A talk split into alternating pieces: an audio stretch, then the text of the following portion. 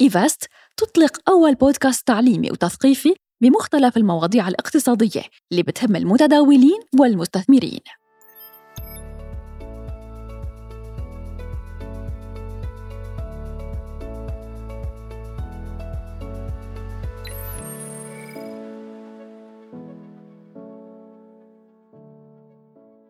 شهد العالم تحولات كثيرة خلال العقود الماضية على مستوى التكنولوجيا والتطور بشتى المجالات. من أبرز هالتحولات يمكن كان ظهور شبكة الإنترنت كوسيلة اتصال تفاعلية. أتاحت الفرصة أمام ملايين بل مليارات الأفراد والمجتمعات والمؤسسات ليوصلوا للمعلومات المطلوبة بحجم هائل وسرعة فائقة. وإرسال وإعادة نشرة أيضا على نطاق واسع. ما سبق له مثال بالتاريخ. نظرا للجهد اللي عم تبذله البشرية لاكتشاف اختراعات وأساليب بتسهل حياتها وبتخلي الأمور أبسط وفطرة الإنسان البشرية اللي بتخليه يبحث دائما عن كل تفصيل دقيق بهالحياة صار علمنا اليوم متميز بالتكنولوجيا والاكتشافات الجديدة والعلم المتطور. ومن ضمن هالاختراعات الكثيره اللي ساعدت البشرية بالتطور ظهور علم الذكاء الاصطناعي يلي تقنياته الجديدة صارت اليوم قوة هائلة قدرة هائلة لا يمكن حسابها. وأثرت بالفعل على الاقتصاد من ناحية الثروة الفردية أو التغيرات المالية الأوسع نطاقاً. عن الذكاء الاصطناعي يلي له دور بارز ومهم بتغيير قواعد اللعبة بتحولات الاقتصاد حديثنا اليوم عم تسمعوا إيفا ستوك وضيفنا الصحفي فراس نعسان. مرحبا. أهلا. وصلنا لمرحلة أنه الذكاء الاصطناعي فعلا صار داخل بكل تفاصيل حياتنا. كيف بتشوف اليوم تدخل الذكاء الاصطناعي بحياة الإنسان؟ يعني اللي بيشوفه الإنسان الآن من الذكاء الاصطناعي شيء مذهل لأنه هو أصبح آه، من من المسائل لا غنى عنها موجودة في كل مكان.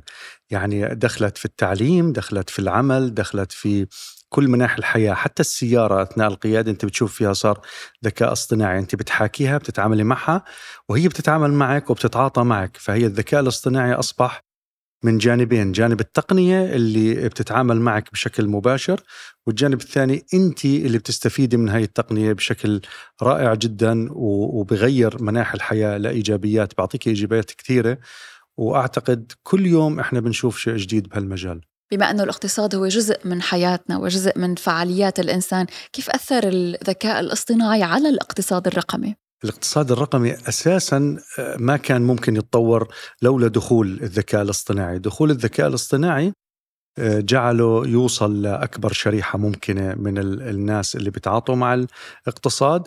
دخل مستهلكين جدد آه، ومستهلكين صغار استطاعوا إنه يتعاملوا مع المنصات ويتعاملوا مع التداول على سبيل المثال بشكل سلس وأصبح موضوع الجلوبالي اللي هي التداول الدولي التعامل الدولي مع الاقتصاد بشكل أكثر سلاسة من خلال الذكاء الاصطناعي. أول ما بلشت صيحة الروبوتات وبدأ يعني بداية صناعة الآلة ومساهمتها كنا دايما عم نسمع إنه الروبوت جاي ياخذ دورنا.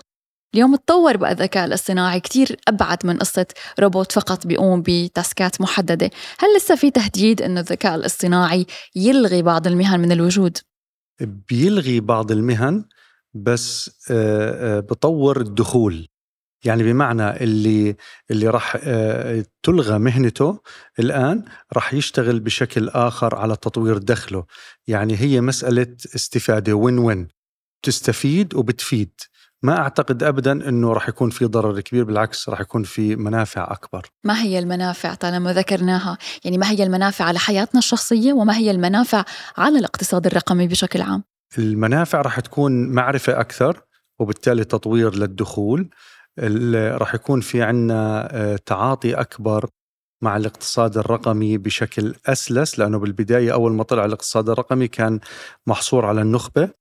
الآن رح يصير على شريحة أوسع بكثير ورح يستطيع كمان حتى الطلاب في المدارس يفهموا معنى الاقتصاد الرقمي من خلال الذكاء الاصطناعي. بمعنى أنه ممكن تكون صفوفهم مهيئة لاستقبال معلومات معينة على قدر آه، فئتهم العمرية وعلى قدر استيعابهم وبالتالي ينمو آه، أول بأول ينمو آه، معهم الذكاء الاصطناعي وهم يساهموا في تطويره.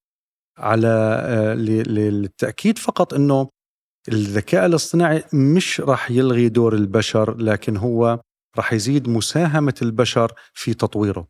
جميلة الجملة. يعني خلينا نبسطها بطريقة تانية. بنبسطها.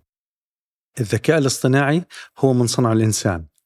يعني هو بالأساس هو تفكير ذكي من الإنسان ابتكار أوجده ثم تطور من خلال إنسان آخر وآخر وآخر. الآن إذا الإنسان الجديد أو الجيل الجديد بعمر آه، مثلا الآن المدرسي الآن خلينا نحكي هم الطلاب إذا بيحصلوا على معلومات صحيحة عن كيفية التعامل مع الذكاء الاصطناعي راح يقوموا هم بعملية التطوير للذكاء الاصطناعي فيما بعد فيخدموا أنفسهم.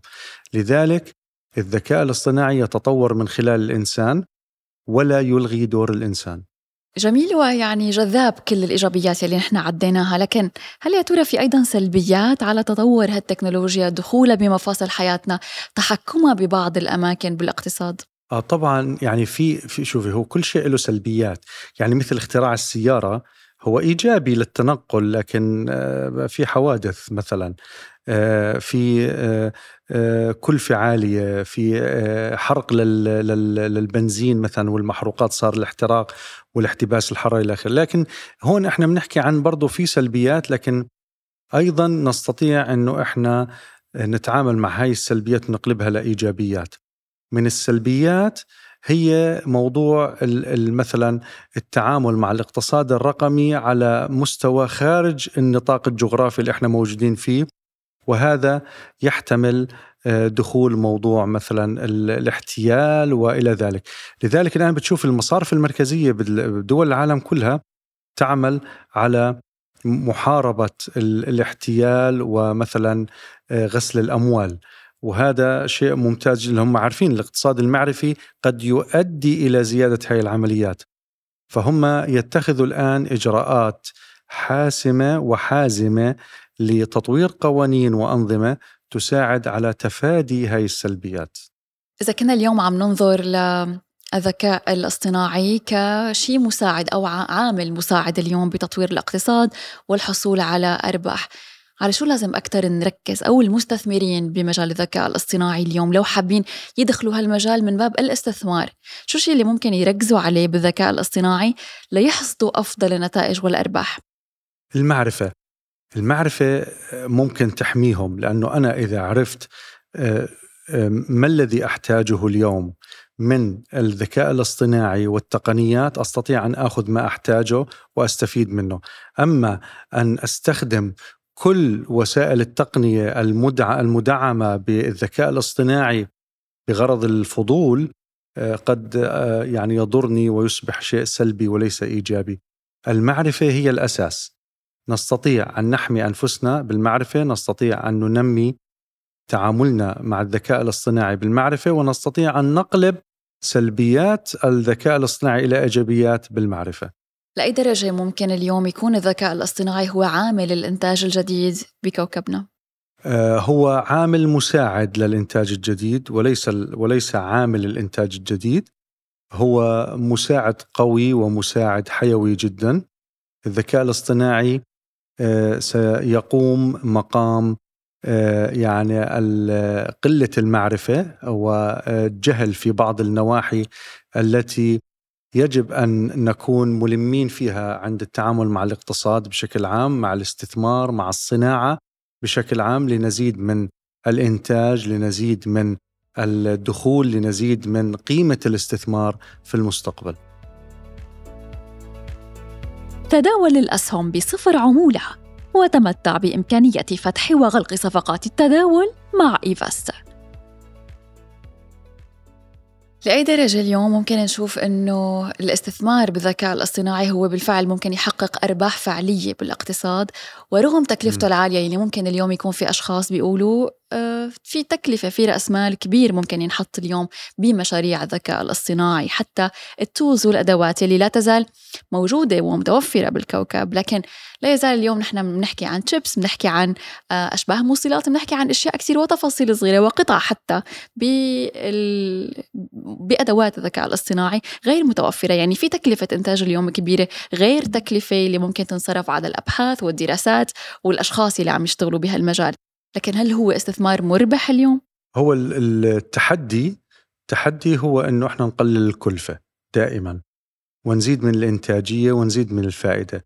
إذا آه، يعني نظرنا الآن للوضع الحالي الآن هناك كلفة عالية وهناك نقص يعني زي ما حكينا تشيبس الآن نقص في نقص كبير في عندنا مشكلة كبيرة والتحدي أصبح إنه آه، تغطية هذا النقص وزيادة إنتاجية هاي المكونات الأساسية اللي بتدخل بالذكاء الاصطناعي فهو تحدي كبير لكن أعتقد إنه مع آه، الوعي البشري الآن إلى أهمية الذكاء الاصطناعي في كل مناحي الحياة ممكن إنه إحنا نتغلب على هاي التحديات ونقلبها إن شاء الله إلى إنتاجية عالية وإلى حلول.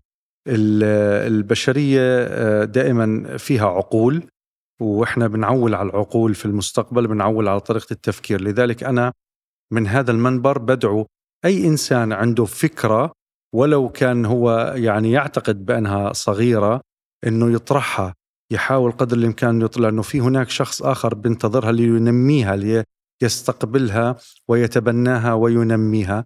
ومن هنا نستطيع أن نتحدى كل الصعاب الموجود الآن في نقص مواد المساعدة على آه، عمليات تكوين الذكاء الاصطناعي في الصناعة وفي كل مناحي الحياة وبنفس الوقت الكلفه العالية. في فكرة ذكرتها حضرتك جدا مهمة وهي الوعي بالذكاء الاصطناعي آه، بتشوف اليوم أنه نحن كمجتمعات صار عندنا فعلا الوعي بالذكاء الاصطناعي يعني ليتلي مؤخرا صرنا نشوف توجه الأطفال بالمدارس أو حتى بعض المؤسسات التدريبية عم تدعو الأهالي إنه بلشوا علموا أطفالكم هالمهارات البسيطة يلي بتأدي يوما ما لصناعه الروبوتات والذكاء الاصطناعي، لكن على صعيد أكبر شوي كمجتمعات هل نحن فعلا صار في عنا وعي أو عم يتم العمل على وعي بأهمية الذكاء الاصطناعي؟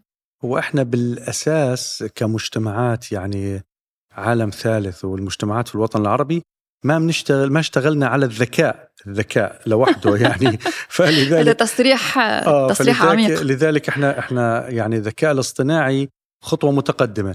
المشكلة الكبرى هي إنه إحنا المفهوم غير واضح عند كثير من الأولياء الأمور حتى يشتغلوا على أبنائهم.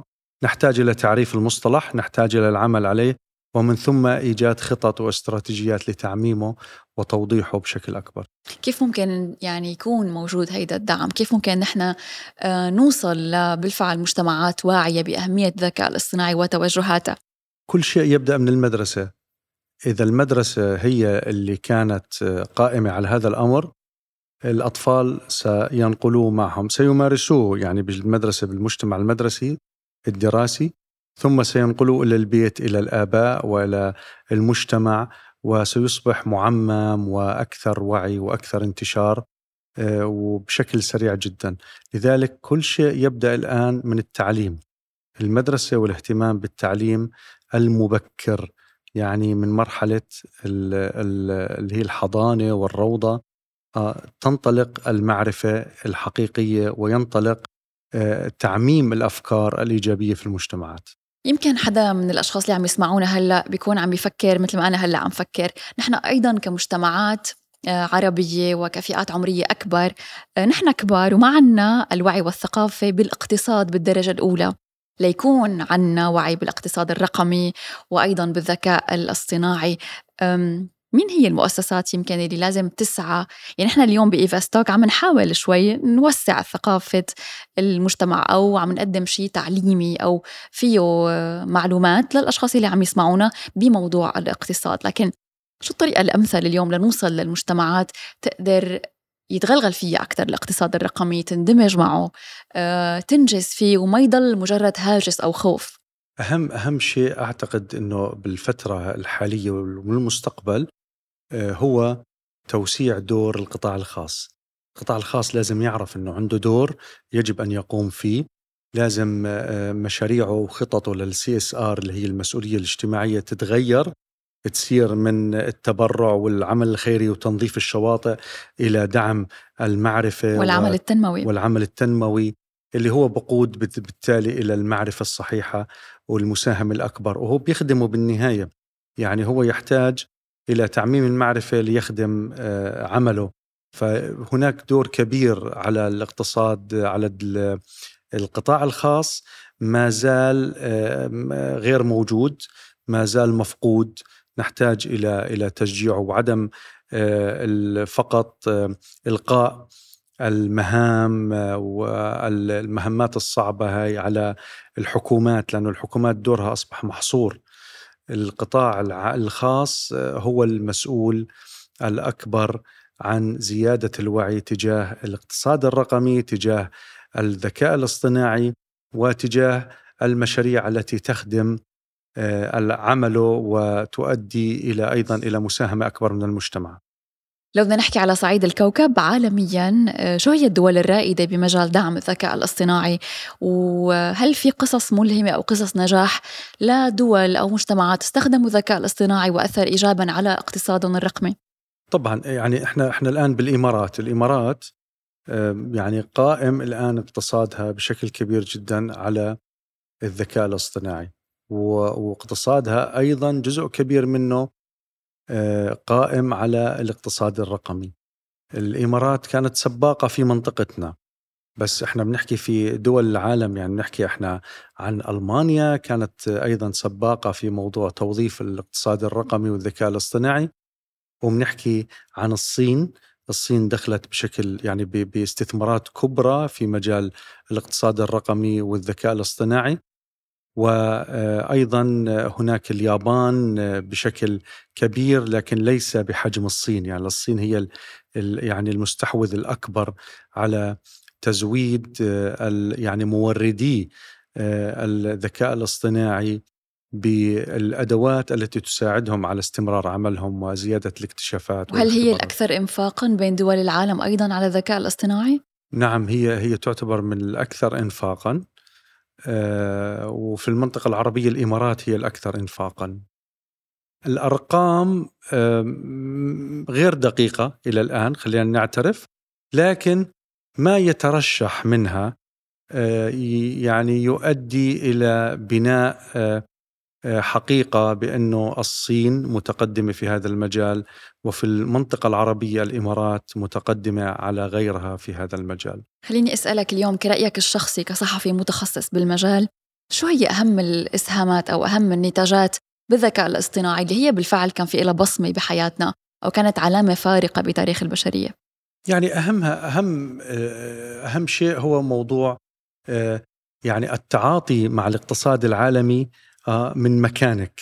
يعني أنت بإمكانك الآن انه أنت تتداولي بإمكانك إنك أنت تعملي بزنس آه، آه، تبني شركة تعقدي صفقات من مكانك. يعني هو الذكاء الاصطناعي ساعد صغار المستثمرين على أنهم يصبحوا مثل كبار المستثمرين في التعامل مع السوق العالمي وهم في مواقعهم. هذا جانب مهم جدا.